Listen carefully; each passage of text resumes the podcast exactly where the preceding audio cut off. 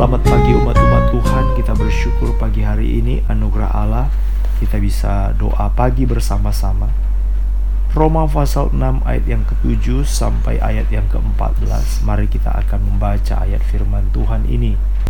Sebab siapa yang telah mati, ia telah bebas dari dosa.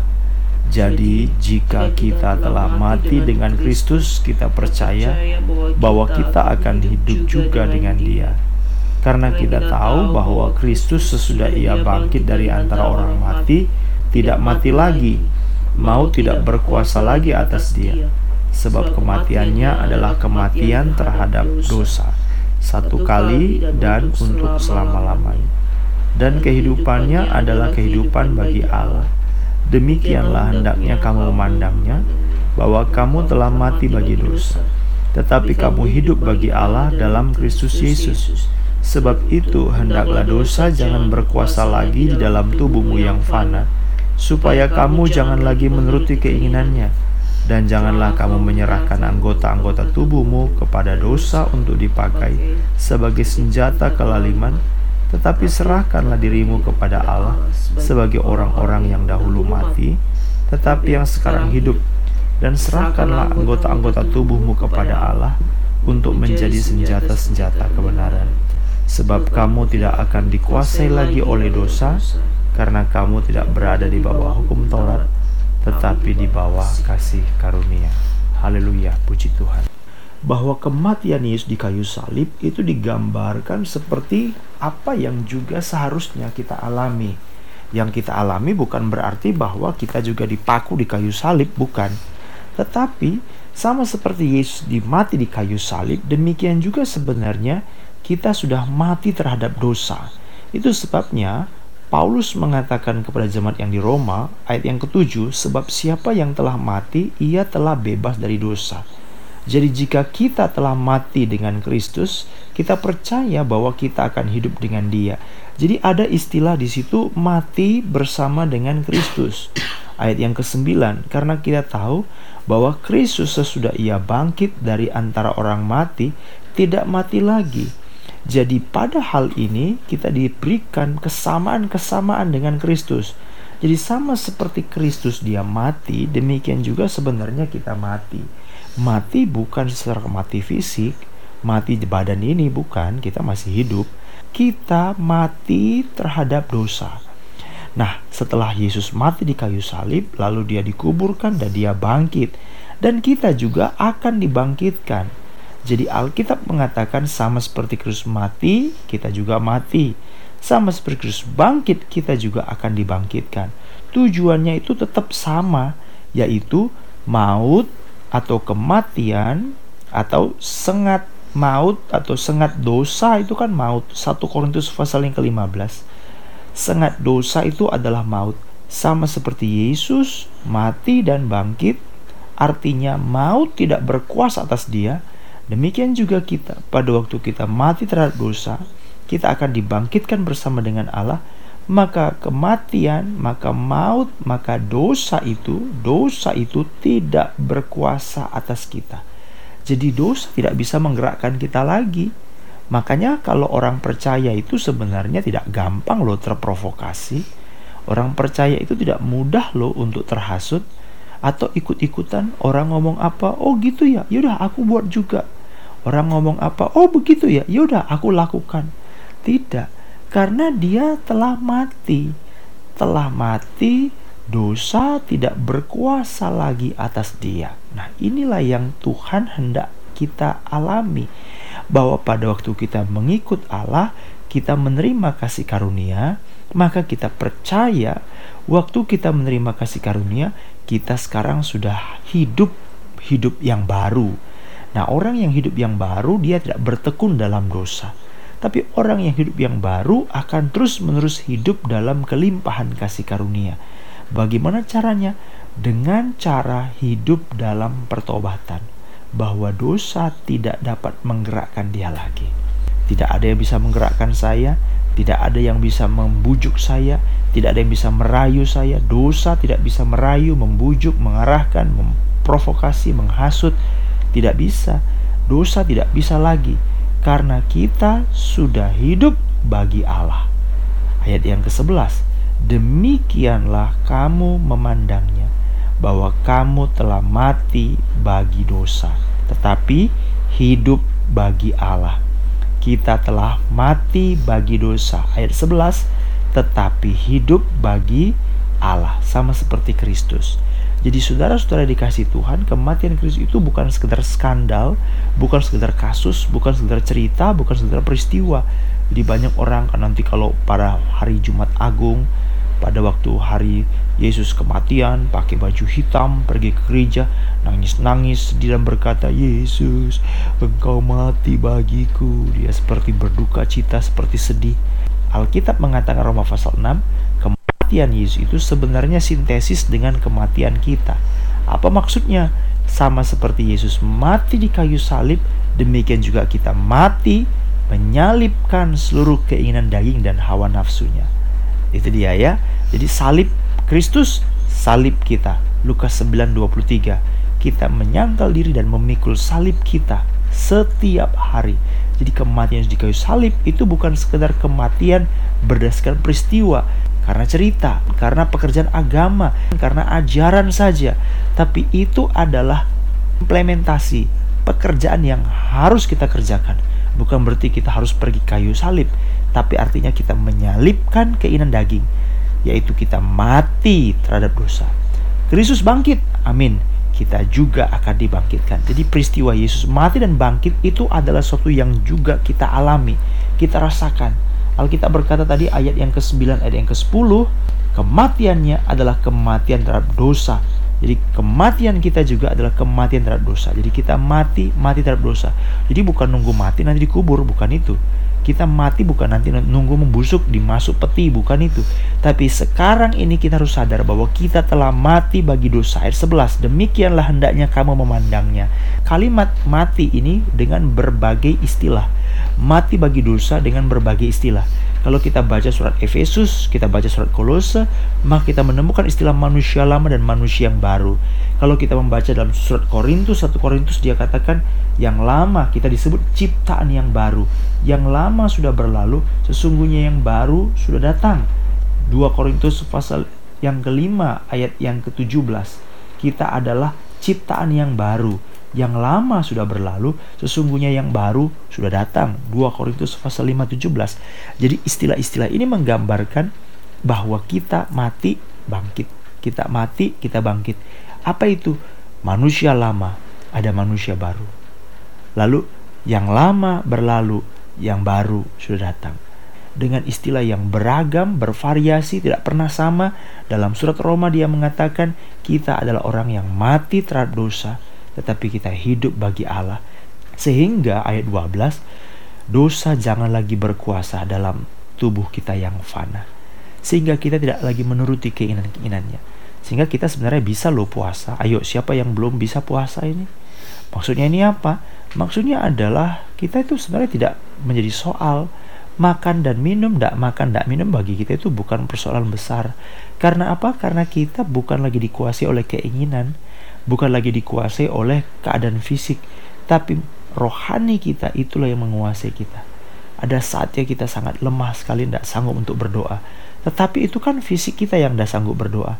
Tetapi manusia jiwa kita, manusia rohani kita itu senantiasa bersemangat untuk berdoa. Bisa mengalahkan kekuatan ngantuk itu bisa dikalahkan. Demikian juga halnya dengan rasa lapar, rasa haus, itu bisa dikalahkan. Karena ada sesuatu dorongan yang sangat lebih besar dalam diri saya. Saya ingin mau mengasihi Tuhan. Saya ingin mau hidup bagi Tuhan. Saya ingin selalu memikirkan firman Allah. Sehingga kita itu mulai membiasakan hidup dalam hidup yang bukan diatur oleh keinginan. Jangan keinginan kita yang mengatur kita. Jangan hawa nafsu kita yang mengatur kita. Nah, harus berubah. Kalau kita masih merasa hawa nafsu dan keinginan kita yang mengatur kita, berarti kita masih gagal ini. Gagal memahami hidup belum dalam pimpinan Tuhan, masih hidup dalam keinginan daging. Ayat 12, hendaklah dosa jangan berkuasa lagi dalam tubuhmu yang fana. Tubuh kita sekarang, tubuh kita yang fana. Supaya kamu jangan lagi menuruti keinginannya. Keinginan tubuh kita yang fana ini ingin untuk istirahat, ingin untuk tenang, ingin untuk ngaso, ingin untuk makan, ingin untuk minum, ingin jalan-jalan, ya kan? Baru kerja sebentar, pengen istirahat. Baru sibuk sedikit, pengennya liburan. Selalu memikirkan kenyamanan. Lo hati-hati lo, Alkitab mengatakan kita sudah mati bagi dosa Nah ini artinya bukan hanya persoalan-persoalan kelakuan, bukan hanya sekedar moral, aku tidak mencuri kok, aku tidak berdusta kok, aku tidak berbohong kok, bukan. Tetapi seluruh tubuh kita ini juga nanti ada akibatnya. Bukan hanya yang rohani dijama oleh Tuhan, tetapi yang jasmani ini juga dijama oleh Tuhan. Sehingga kita membeli kebiasaan-kebiasaan baru yang melibatkan fisik kita. Tuhan Yesus berkata, kasihlah Tuhan Allahmu dengan segenap bukan cuma hati, bukan segenap jiwa, bukan cuma pikiran, bukan akal budi, tapi dengan segenap kekuatan kita. Sehingga kita rela kerja keras untuk Tuhan. Ya, kita rela kerja keras untuk Tuhan. Banyak orang rela kerja keras hanya untuk makan, untuk perut, supaya dia bisa dapat uang. Tapi rela nggak dia kerja keras untuk Tuhan?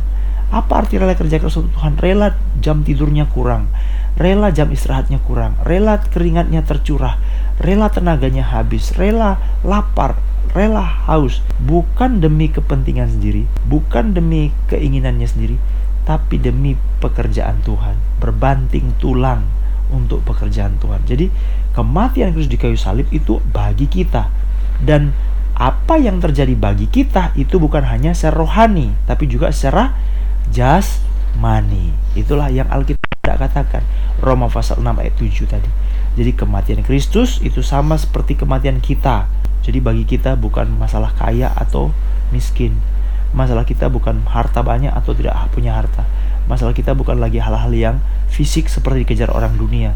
Bagi kita itu tidak penting, tidak menarik. Kita tidak ingin ikut-ikutan. Orang mau kejar harta, mau kejar kekayaan. Saya tidak. Orang kerja itu supaya uangnya banyak, tabungannya banyak. Saya kerja bukan supaya uang dan tabungan banyak. Saya kerja supaya pekerjaan Tuhan bisa terus berjalan. Nah, itulah sebabnya ayat 12 ini dia bicara tentang hal-hal yang jasmani. Sebab itu hendaklah dosa jangan berkuasa lagi dalam tubuhmu yang fana supaya kamu jangan menurut keinginannya dan janganlah kamu menyerahkan anggota-anggota tubuhmu. Anggota tubuh, mata kita, telinga kita, mulut kita, tangan kita, badan kita, kaki kita, anggota-anggota tubuh kita. Jangan lagi menyerahkan anggota anggota-anggota tubuh kita kepada dosa supaya nanti anggota tubuh kita itu dipakai sebagai senjata kelaliman. Jangan. Jadi kalau dulu orang suka cubit itu biasa tidak suka cubit lagi. Kalau orang suka tempeleng biasa itu tidak suka tempeleng lagi. Kalau orang suka tampar itu tidak bisa tidak suka tampar lagi. Ayat 13 tetapi serahkanlah dirimu kepada Allah sebagai orang-orang yang dulu mati tapi sekarang hidup ada lagu yang lama itu tanganku kerja buat Tuhan mulutku memuji namanya kakiku berjalan cari jiwa 1 Korintus pasal 130 kita dibenarkan, kita ditebus, tapi kita juga dikuduskan. Allah itu memilih kita, tetapi dia juga menguduskan kita, menyucikan kita. Sama seperti Allah menciptakan, tapi dia juga menopang ciptaan. Demikian juga Allah memilih kita, tetapi dia juga menyucikan kita menjadi hidup yang suci, menjadi orang suci, menjadi orang kudus. Jadi kita ini bukan hanya sekedar diselamatkan saudara-saudara, tetapi kita ini diubahkan supaya bukan hanya jiwa kita yang dibaharui, bukan hanya jiwa kita yang diselamatkan, tetapi seluruh anggota-anggota tubuh kita ini akan dipakai menjadi senjata kebenaran. Siapa dulu yang suka ngomel, suka cerewet. Sekarang nggak suka cerewet lagi loh. Karena anggota tubuh kita sudah kita serahkan menjadi senjata kebenaran. Siapa loh yang suka cubit, suka tempeleng, suka tumbuh orang, suka pukul, suka tendang. Yang dulu suka berjinah, yang tangannya ini dulu geratilan ini. Sekarang semua harus dipakai untuk senjata kebenaran. Nah itu yang Alkitab hendak katakan. Perlukah saya cat rambut anggota tubuhmu senjata kebenaran? Perlukah saya merias tubuh ke salon anggota tubuhmu senjata kebenaran?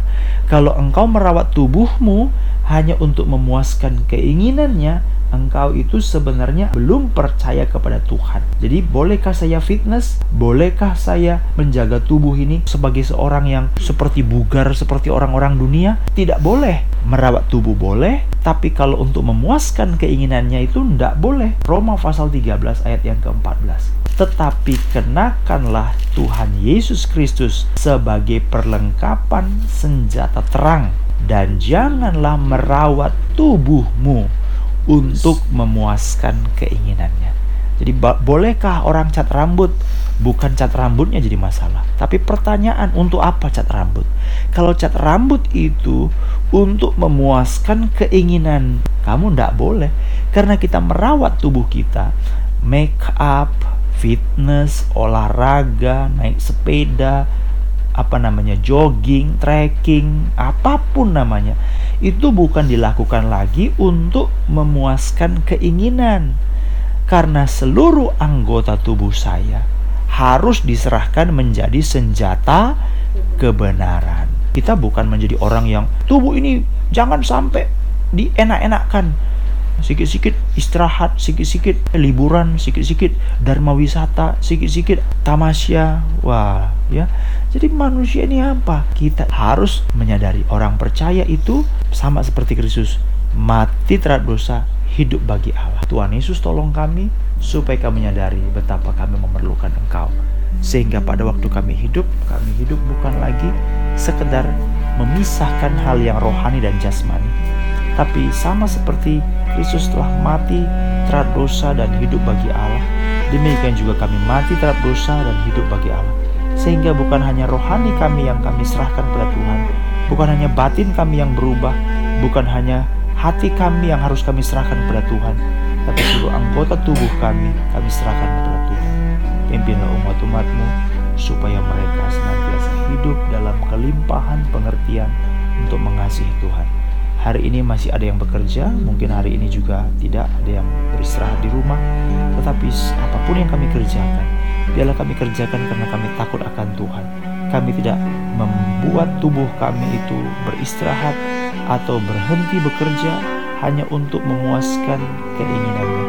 Tetapi kami mau merawat tubuh kami karena tubuh kami itu mau dipakai atau telah dipakai atau sedang dipakai menjadi senjata kebenaran menjadi kepentingan pekerjaan Allah.